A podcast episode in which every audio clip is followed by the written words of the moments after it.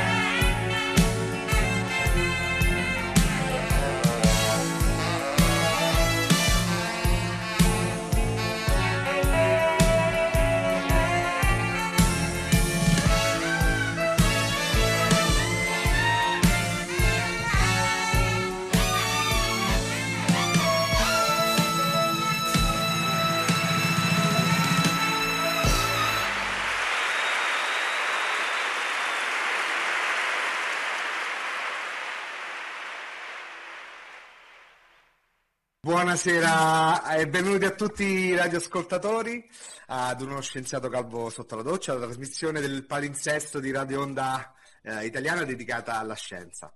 Ad accogliere eh, e dialogare oggi abbiamo un grandissimo ospite, un ospite mitico, oserei dire. Ad accoglierlo e a dialogare con l'ospite insieme a me questa sera ci sarà Carmelinda uh, Gentile. Ciao Carmelinda, come stai? Chi mi hai portato oggi come ospite? Ciao Francesco, chi ti ho portato? Allora, ti ho portato un, un, mito e un sogno per me. Ecco, oggi ti ho portato lei, eh, la signora Piera degli Esposti, con tutta la sua luce e tutta la sua esperienza meravigliosa. Ecco. Io mi sono trovata a volte eh, eh, a condividere la scena con, con, la, con Piera, ma eh, non ho mai osato avvicinarmi, non, non ce la facevo, perché eh, la guardavo da lontano e facevo Dio Piera! e, e, quindi adesso c'è sempre la distanza dello schermo, quindi mi, mi dà il coraggio di farlo. E, um, un, una domanda, ci parla un pochettino di, di Carmelo Bene? Io non eh, ho dimenticato questo, mi avete chiesto questo no che non ho mai detto, invece l'ho detto, l'ho detto a lui. E con, ho così, penso che sono stata così male con Carmelo, con Carmelo Bene, che l'ho interrato, l'ho, l'ho rimosso. L'inconscio proprio chiuso è stato, mm, è stato incredibile perché Carmelo non ha avuto Carmelo mi ha visto la prima volta, è venuto a teatro a vedermi, io facevo il Cleopatra all'Argentina, dal BAM, mi ricordo.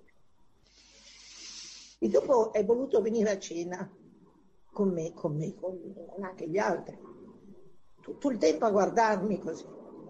Io non ho capito che dopo anni Carmelo Bene mi avrebbe voluta per distruggermi, per, distruggermi, cioè per cambiarmi come voleva lui, perché non tollerava forse che una donna avesse questa personalità che com- comunque ritengo in qualche modo lo avesse pur colpito, se no, perché comunque non importa, la cosa è andata molto semplicemente che lui ha telefonato sempre dicendomi eh, di fare con lui eh, la Delchi e, e, e, io avevo, temevo, temevo.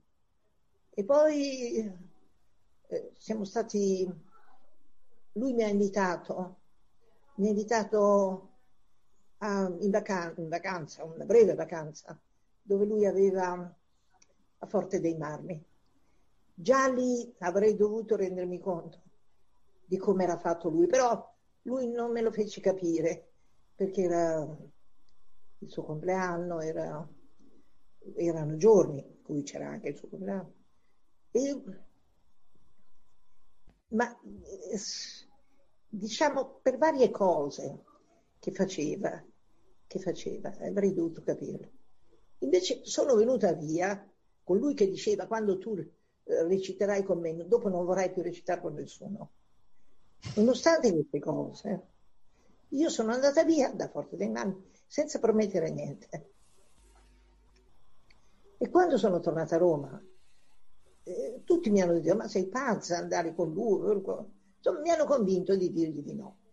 E così, dopo qualche giorno, una settimana, ha telefonato una tipa di queste sue ragazzetta che teneva così, e, e ha detto il maestro vorrebbe sapere, vorrebbe avere una risposta. E allora un mio amico, allora compagno così, ha detto, beh la risposta è no. E lui dalla voce dietro ha cominciato a dire con quella voce inconfondibile, me deve venire, deve dire, deve dire, deve venire, deve venire a dirmelo a casa. E allora sono andata a casa sua, a Roma, perché eravamo. E a Roma sono stata a casa sua, non so quante ore, anche a cena, ma non so quante ore. E sono venuta via accompagnata da lui. E gli ho detto di sì, perché lui era veramente inarrivabile, per, perché aveva anche una grande logica. Lui diceva perché dovrei avere te, volere te a tutti i costi. Posso avere tutte quelle che voglio, anche, anche di, qualunque, di qualunque cosa. Perché? Pensaci. Insomma, a forza di pensarci ho detto, ma ha ragione. E gli ho detto di sì. E ancora quando gli ho detto di sì, che sono andata poi a vederlo in uh, Leopardi, e siamo andati a salutare il camerino, lui, ah, tu, tu farai, tu, tu, io non voglio silenzio stampa, farai tutto tu, farai, tu sarai, tu farai. Quando sono arrivata alle prove, mm. lui mi ha detto a Pavia, come mai sei qua? E ho detto non c'erano le prove. No, forse volevi stare qua. e da quel momento è cominciata tutta una cosa in- incredibile, incredibile. Il giorno dopo sono venuti il maestro Striano e insomma è venuto a dire, ha detto Carmelo che non vuole più fare lo spettacolo e parte alle due. E io ho detto va bene, io vado lo stesso a teatro. E dice ma parte, e ma vado lo stesso. E sono andata, lui era là. Questo è stato il primo di uno degli scherzi che mi faceva sempre, cioè quando recitavo metteva sopra tutte le bom bom bom bom tutti i rumori di piano con le bombe. È stato, è stato, finché è arrivato a dire qualcosa così.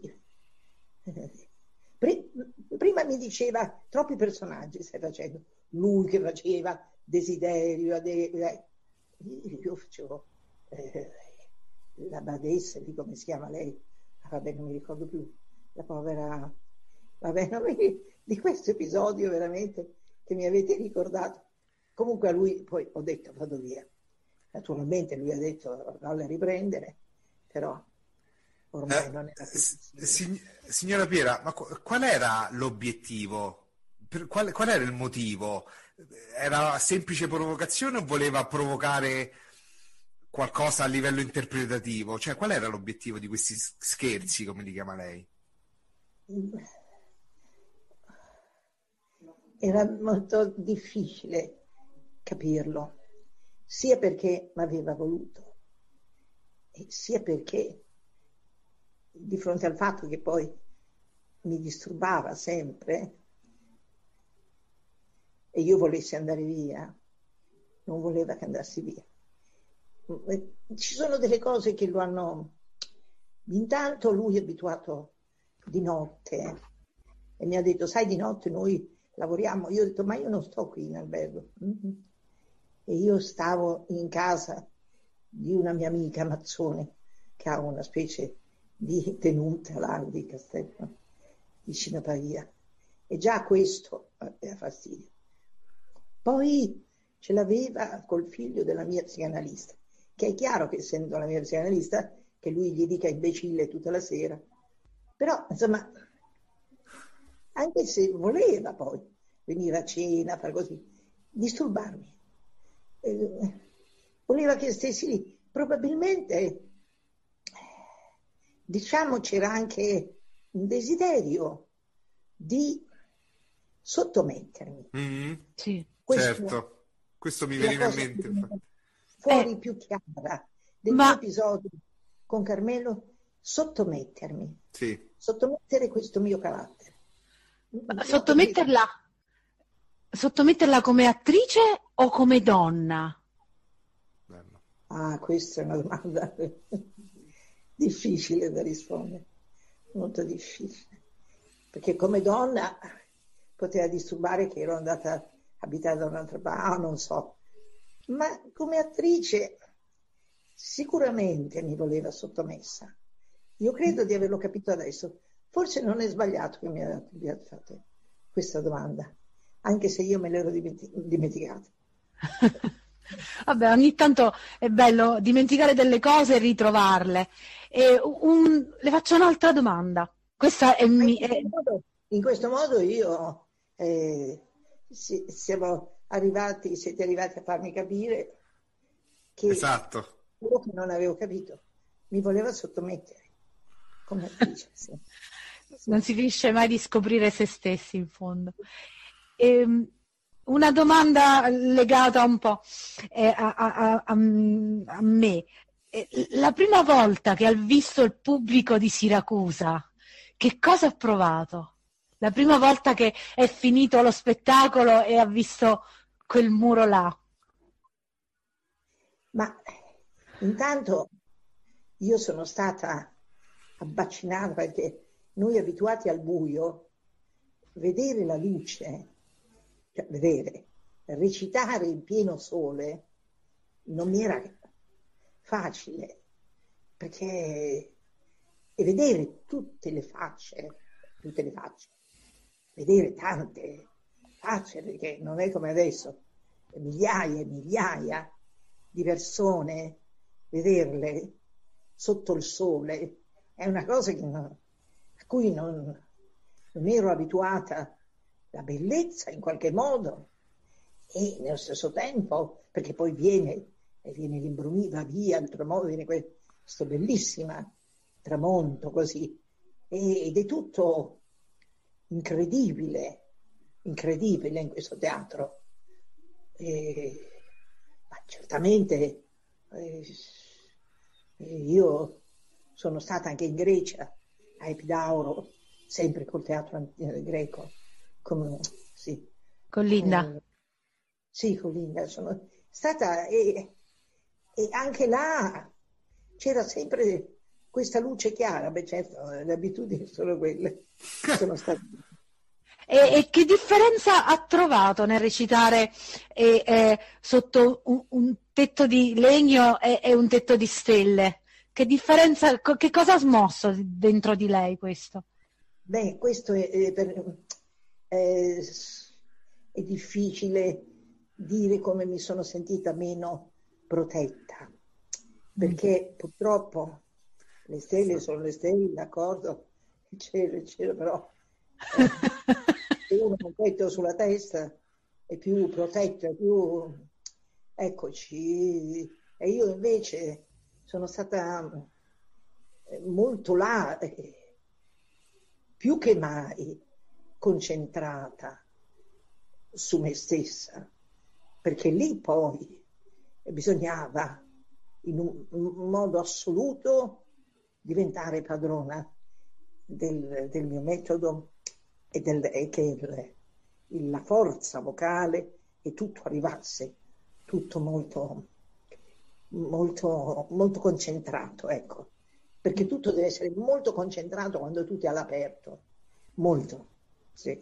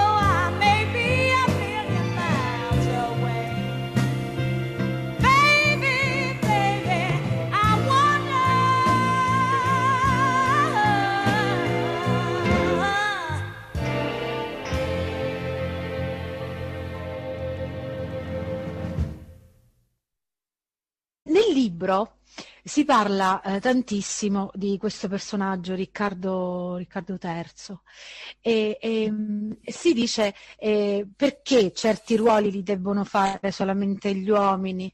E, mm,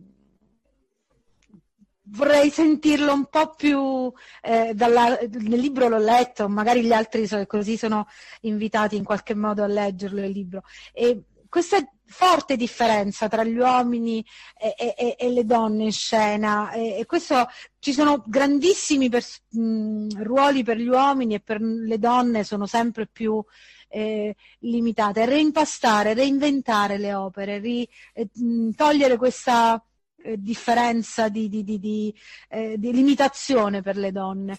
Anche, anche, perché, come ha detto lei, eh, aveva, ha già fatto al Teatro 101 un personaggio, un uomo. Un uomo. Sì. Quindi questa cosa ritorna eh, nel, nella sua eh, carriera. E in effetti, legandomi a quello che dice Carmelinda, eh, ci sono dei personaggi che secondo lei, eh, dei ruoli maschili che secondo lei, eh, interpretati da donne, possano dare qualcosa in più a quel ruolo, a quel personaggio, come Riccardo III.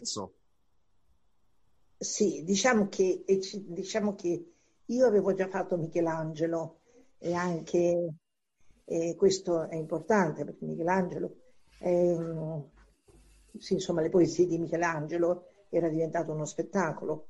Poi torno a dire Campanile che è anche lui un uomo. Ma al di là di questo, eh, Riccardo mi, è, mi, ha sempre molto interessato perché eh, è, è,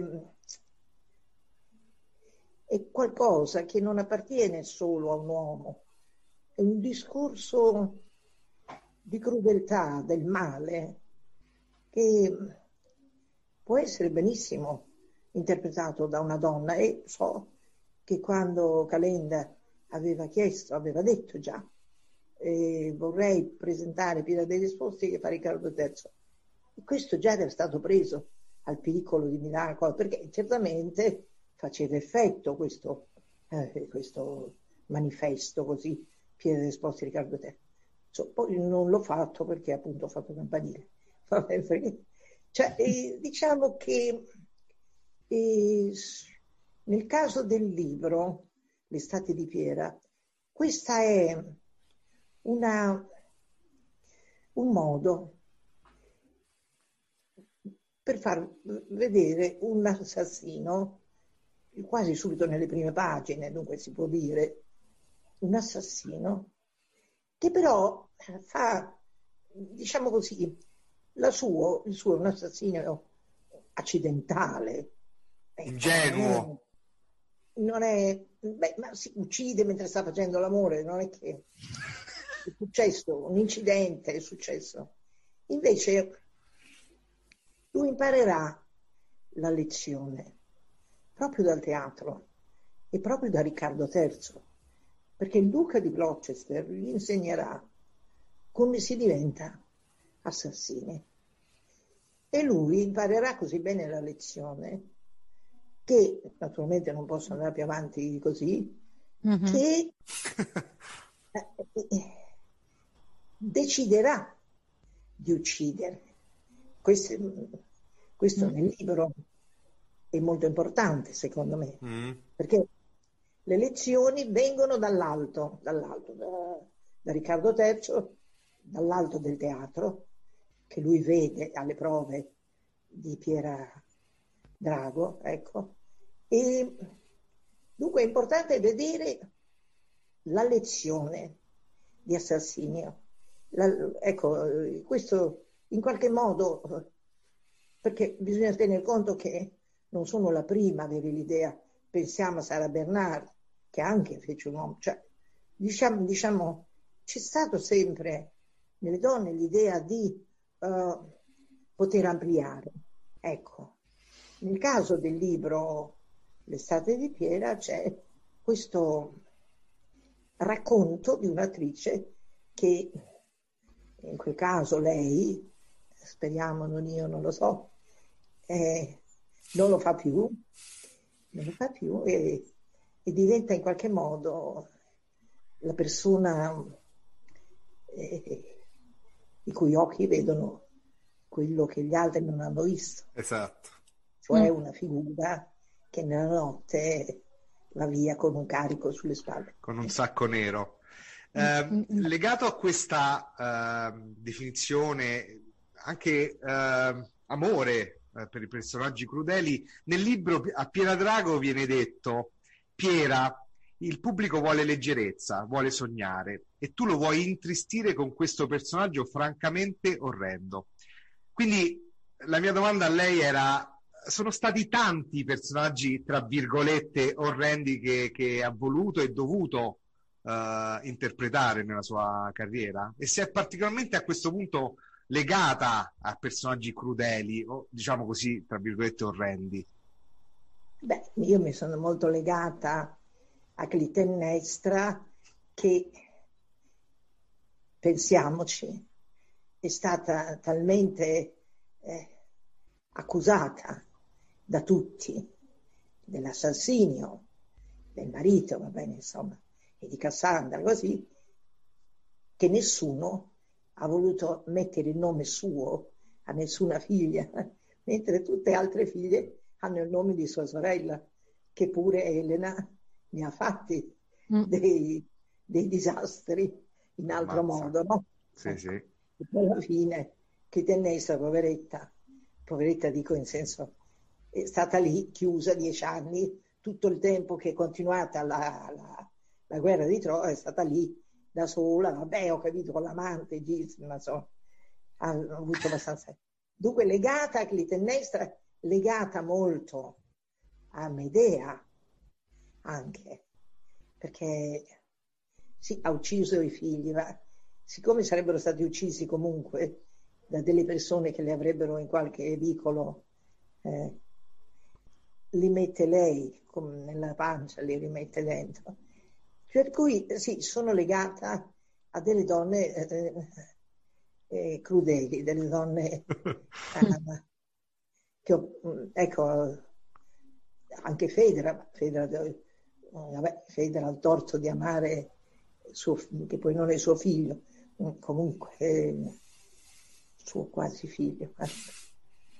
Sì, perché insomma anche nei personaggi oscuri poi alla fine c'è qualcosa di...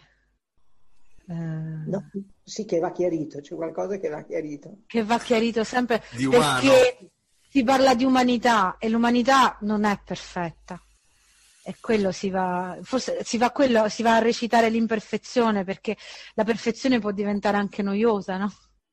Eh, Ma non è questo, è che dentro non abbiamo tutta questa bontà, abbiamo anche della violenza. certo. Solo che facciamo tutti buoni perché ci conviene fare i buoni, fare i cattivi, sì, insomma, poi si paga. Sì. E allora è meglio vederli a teatro questi cattivi. Esatto. Mi, ric- mi ricordo una volta alle prove, credo di sì, proprio delle, mh, delle coefore in cui eh, si parlava, adesso non mi ricordo in quale, perché l'ho fatto più volte a Siracusa, e comunque si parlava del fatto che ehm, Oreste arrivasse e attaccasse la madre col- con questo seno, eh, seno di fuori, no? Che, che appunto diceva il seno che tu oh, vuoi uccidere, il seno che ti ha, che ti ha allattato. Perché fondamentalmente i, gre- i greci non, non conoscevano la psicologia, eh, conoscevano gli istinti, eh, il difendersi, l'attaccare, eh, quindi quella, quella parte della, dell'umanità più vera e più eh, che non, chia- non è né tutta chiara né tutta scura, ma eh, si mischia e quindi viene fuori anche quella roba lì che, che possiamo dire brutta, orrenda, negativa, ma non lo è fino in fondo. E, è bellissimo tutto questo, eh, parlare con, eh, con lei, Piera. Le volevo fare una- un'altra domanda. Eh, lei aveva dei miti, dei suoi miti, ha mai incontrato un, un suo mito? Beh, il mio mito è stato Robert Mitchum e ho avuto la fortuna di incontrarlo perché Lina Vermüller lo ha invitato a cena per farmelo incontrare, ecco. E siccome fin dai 14 anni d'età io amavo Robert Mitchum, sono una delle poche donne che ha incontrato il- e baciato, e poi secondo lui anche di più ci sarebbe stato, ma io ho voluto che rimanesse un sogno, il mito, ecco, quel mito della mia vita, che è stato Robert Mitchum. Che bello, che bello. Co- com'è stato il primo incontro? A questo punto... Eh, eh, a questo punto lo vogliamo eh, sapere. adesso- come- com'è stato che questo cosa- incontro? Che cosa ha provato? Qual è stata... Beh, è stato io stavo facendo Madre Coraggio e mm, è arrivato una, mm, così, un messaggio. Lunedì cenerai con Robert Mitchum. Mm, Naturalmente io sono andata, eh, era in camerino questo messaggio e io sono andata verso la compagnia a dire siete tutti cretini. e tutti sapevano questa mia mania di Robert Mitchum. E quelli hanno detto ma noi non abbiamo fatto niente, niente. E Ma lei pensava che era uno scherzo? sì, Sì. Quando sono arrivata a casa eh, c'era in segreteria la voce di Lina eh, Vermüller e Lina mi ha detto hai visto che ha fatto la tua amica Cocca? Hai visto cosa ha fatto per te? Io sono rimasta così. Allora da quel momento, da quel momento, dove sapevo che lunedì sera ci sarebbe, che, no- che c'è riposo in teatro, io avrei avuto quello. eh. Ho cominciato a tirare giù l'armadio per essere cari- carina.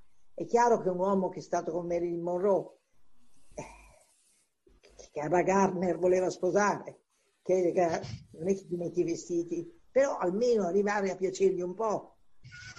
Ero, anche me ero, eh, ero lì su e giù con i vesticoli co- e per consolarmi pensavo sarà ubriaco, non, mi, non ci vedrà, sarà, là, sarà brutto, sarà basso, sarà grasso, sarà... Finché è arrivata a casa da Lina Vermüller, lui non era ancora arrivato e io ero già lì tutta trembonda e, e Lina ha detto, ma insomma no, adesso fatti vedere al meglio col tuo sorriso. Mm. Allora intanto che parlavamo così, lui è, arrivato con quella camminata e quella bellissima, eh, nonostante fosse già sui 78, mi ricordo, bellissimo, eccetera, e ci siamo, ci siamo seduti vicino e lui mi ha preso la mano nelle sue, queste belle mani, appunto, che hanno preso le mani di tutte le meravigliose attrici del mondo. E, e io mi hanno detto di leggergli la lettera che cominciava, caro Robert Mitch, caro Robert, no? Sono un'attrice italiana abbastanza così, eccetera, eccetera. Allora lui rideva perché c'era la, c'era la, la traduttrice che diceva delle cose e io, e io facevo, eh, sì, insomma, stavo così a dire un pochino eh, che volevo, eh, insomma, ero imbarazzata. E allora lui mi ha guardato in quel suo modo, no? Mi ha abbracciato e poi mi ha baciato, eh, baciato, baciato con la lingua, insomma, baciato. Sa. Allora io sono stata così travolta da questo, eh, da questo bacio e da queste cose che francamente già avevo poco la testa lì, eh, perché ogni momento dicevo non devo pensare che sono qui con Robert Mitchell, non devo pensare, non devo pensare che quando lui si alzava in piedi per andare a fumare in terrazza molto gentilmente, io dicevo "No, c'è Robert Mitchell perché lo vedevo piangere. da quel momento è stata e dunque è stato una grande naturalmente lui voleva anche il resto ma il resto torno a dire non mi piaceva perché io volevo il sogno ecco volevo che rimanesse il sogno e il Certo. sogno è rimasto Certo, questa traduttrice in mezzo tra voi due era un po' imbarazzante, o no? Vabbè, ma io non so l'inglese No, no, lo so, lo so, però immagino che non vi potevate dire proprio tutte le cose un po' più carine, più romantiche. Peccato. La macchina a rate, le ferie d'agosto, la fila alla posta, la fila alla cassa. L'insalata mista con le gocce di rugiada sulla busta. I matrimoni degli amici e poi il tuo. Il tubo che perde, il palazzo che crolla, il tizio alla porta, il tizio che canta. Estensione di massa, arriva il fine settimana. Il suono del freno del treno che urla e mi ricorda che è sabato. Mangiare la pizza, beccare una multa, contare i bisonti a letto di notte. La musica d'attesa del call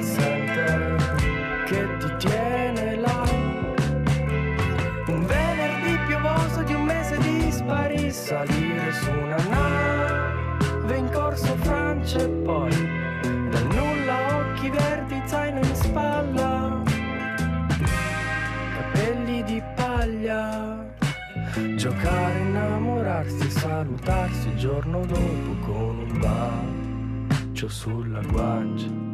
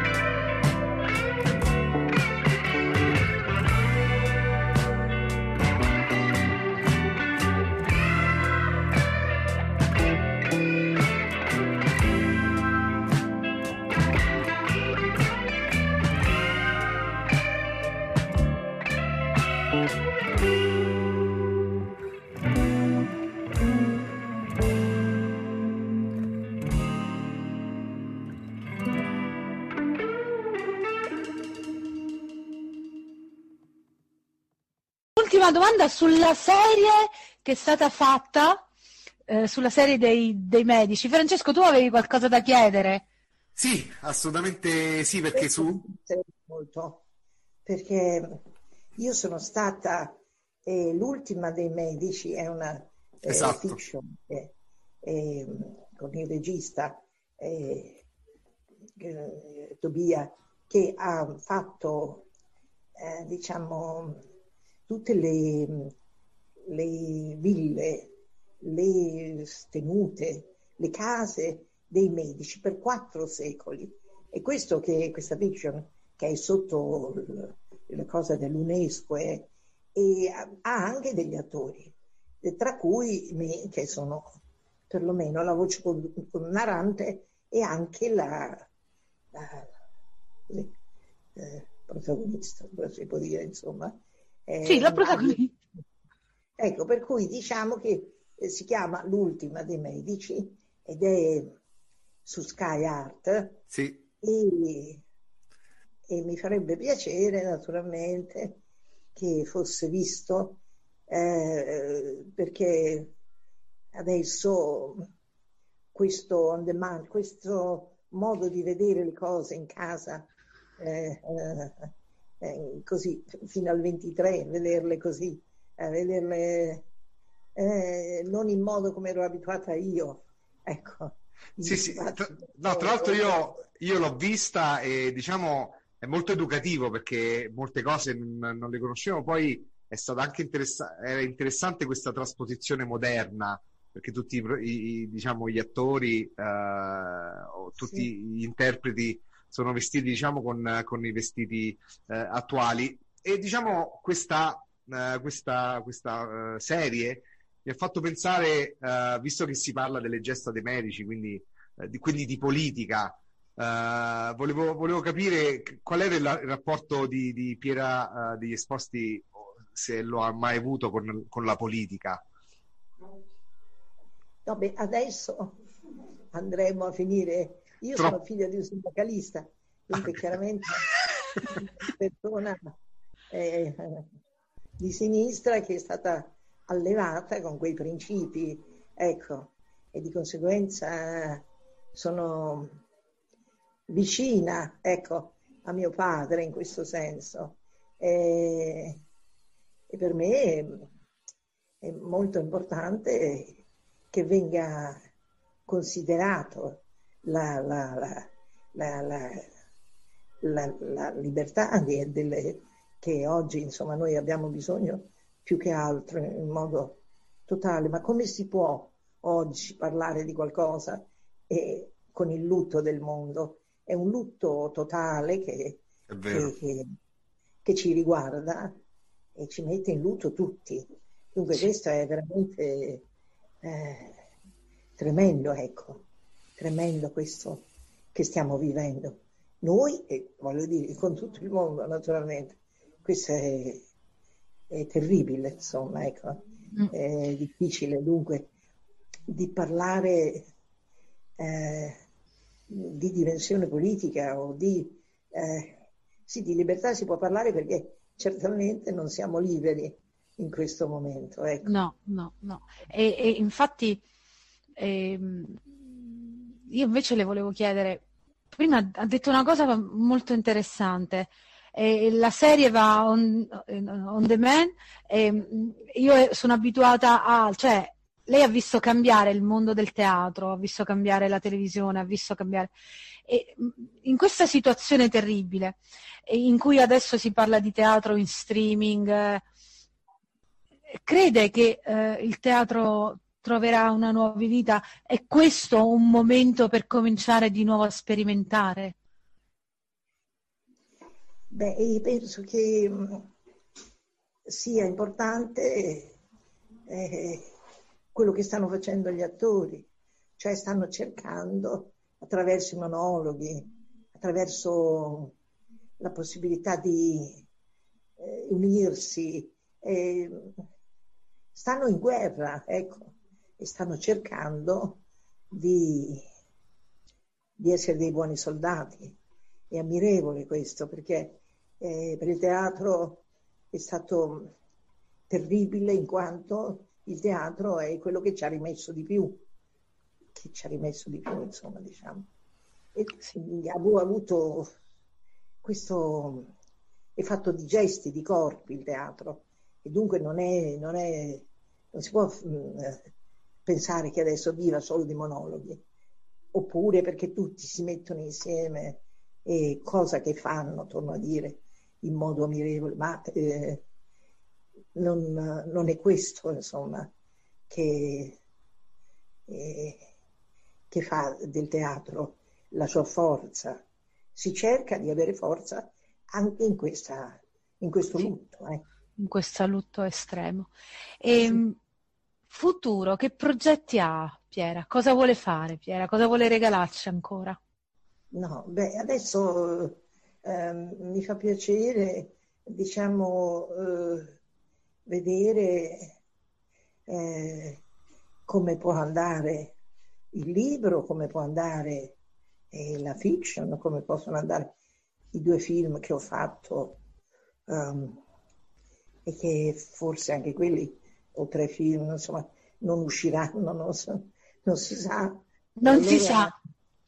Adesso è difficile parlare di tutto, ecco. No, Oh. fiction, dei medici, dell'ultima medici so parlare, del libro so parlare perché queste sono cose evidenti, Sì, visibili. sì, che abbiamo, che abbiamo visto, abbiamo anche, ci siamo documentati anche noi. Ehm, eh, su Facebook ho visto che ha regalato una piccola poesia di Emily Dickens. Magari possiamo concludere così e poi noi mandiamo una canzone di Lucio Dalla, che tra l'altro era un suo carissimo amico Era d'infanzia, il mio compagno di, di- di scuola. di Era scuola. di scuola. Ah, E- ecco. e di banco di mio fratello. Sì. Ok, e quindi mh, se magari ci, ci- ci regala questa, se vuole dire qualcosa sull'uso, Dalla va benissimo, noi siamo, eh, siamo qui per ascoltarlo.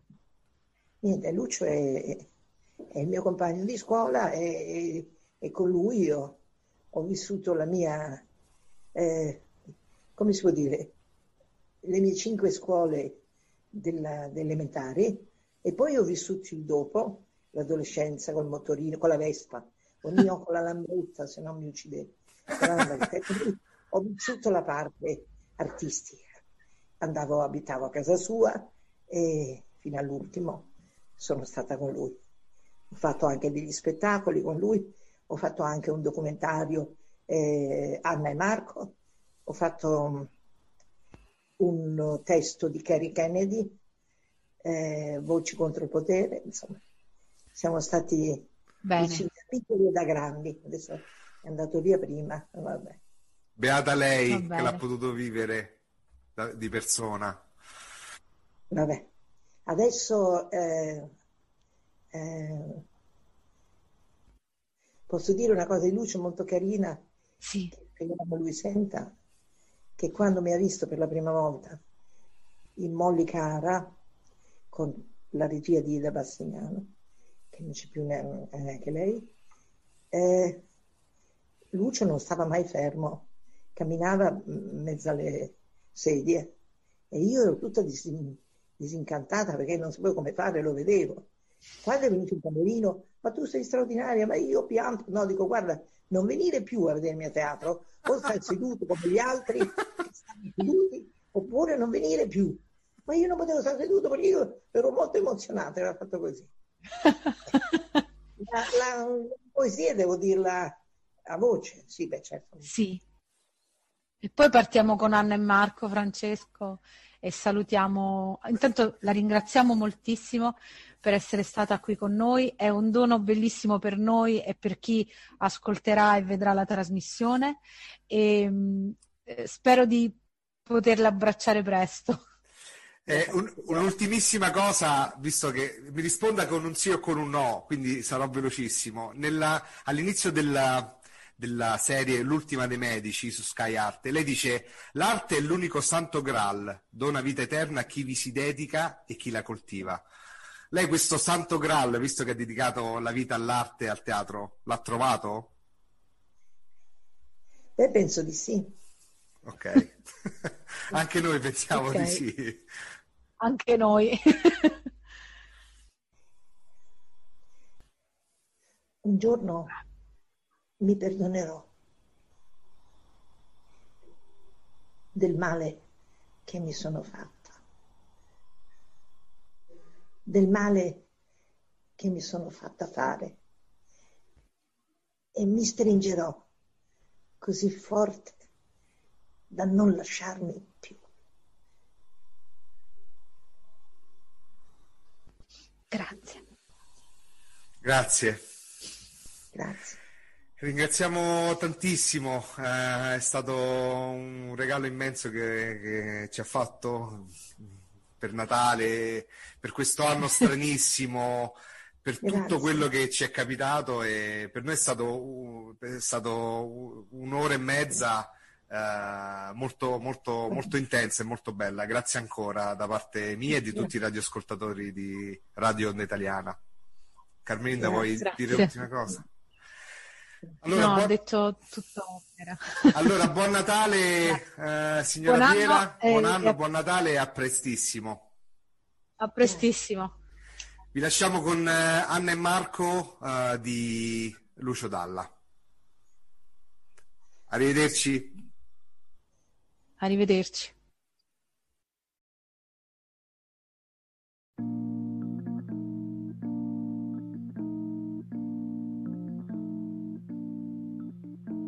Anna come sono tante, Anna permalosa,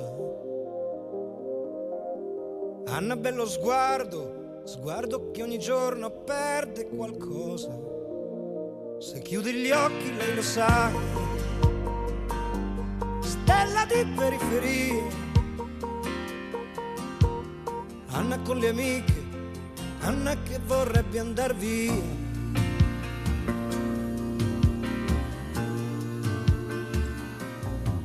Marco grosse scarpe, poca carne, Marco cuore in allarme. Con sua madre una sorella, poca vita, sempre quella. Se chiude gli occhi lui lo sa. Lupo di periferia.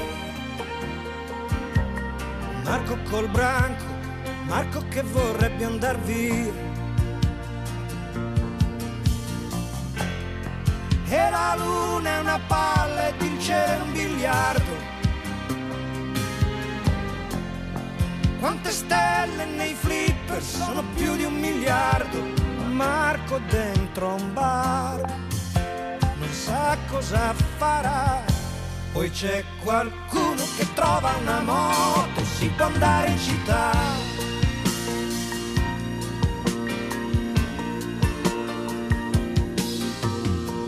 Bello sguardo, non perde un ballo. Marco che a ballare sembra un cavallo. In un locale che è uno schifo, poca gente che li guarda. C'è una checca che fa il tifo. Ma dimmi tu dove sarà? Dov'è la strada per le stelle? Mentre ballano, si guardano e si scambiano la pelle e cominciano a volare. Con tre salti sono fuori dal locale, con un'aria da commedia americana. Sta finendo anche questa settimana, ma l'America è lontana, dall'altra parte della luna, che li guarda e anche se ride, a vederla mette quasi paura. E la luna in silenzio ora si avvicina. Con un mucchio di stelle cade per strada. Luna che cammina, luna di città. Poi passa un cane che sente qualcosa, li guarda, abbaia e se ne va.